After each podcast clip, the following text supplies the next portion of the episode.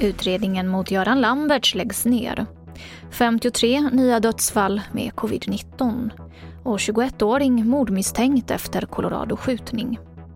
TV4-nyheterna börjar med att förundersökningen mot Göran Lamberts läggs ner. Det här meddelar kammaråklagare Annika Bokefors. Den förre justitiekanslern misstänktes för en våldtäkt i Uppsala under julhelgen men han har nu alltså släppts ur häktet.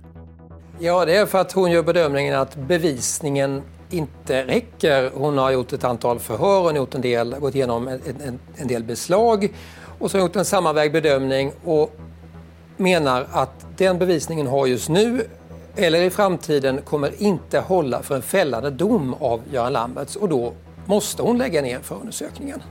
Det sa vår reporter Per Herman Rud.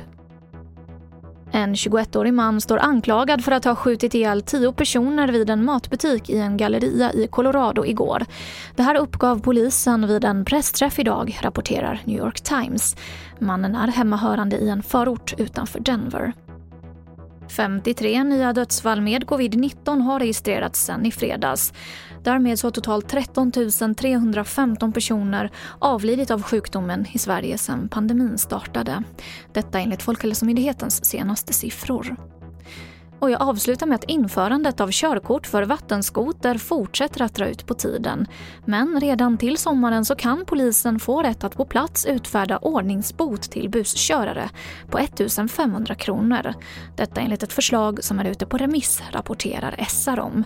Boten ska precis som fortkörningsböter kunna skrivas direkt utan åtal och rättegång. Och det var det senaste från TV4 Nyheterna. Jag heter Emily Olsson.